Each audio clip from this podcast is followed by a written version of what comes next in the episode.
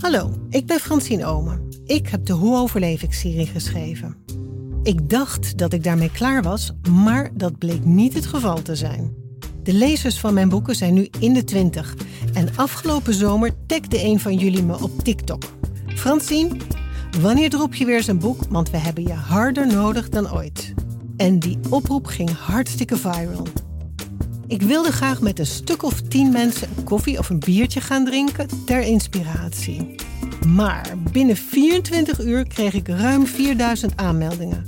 Toen dacht ik, ik ga naast het boek ook een podcast maken. Ik wil een stem geven aan wat er allemaal in deze generatie speelt.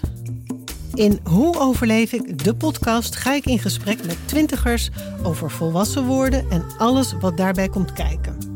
We praten over verwachtingen en de soms tegenvallende realiteit. Over psychische problemen, trauma, eenzaamheid, seksualiteit en nog veel meer. Mijn lichaam zei: Nope, het is uh, even klaar. Ik heb altijd dat, dat stemmetje van. Maar dat kan jij toch helemaal niet? Of waarom zou je dat kunnen? En zijn er niet honderd anderen die het beter kunnen? Ja, dus haar dood was eigenlijk een soort wake-up call voor jou. Eigenlijk wel, ja. Het klinkt zo hard om dat te zeggen, maar het was eigenlijk wel echt een wake-up call, ja. Natuurlijk met onmisbare survival tips. Hoe overleef ik de podcast komt begin april online. Abonneer je alvast in je favoriete podcast-app zodat je hem niet mist.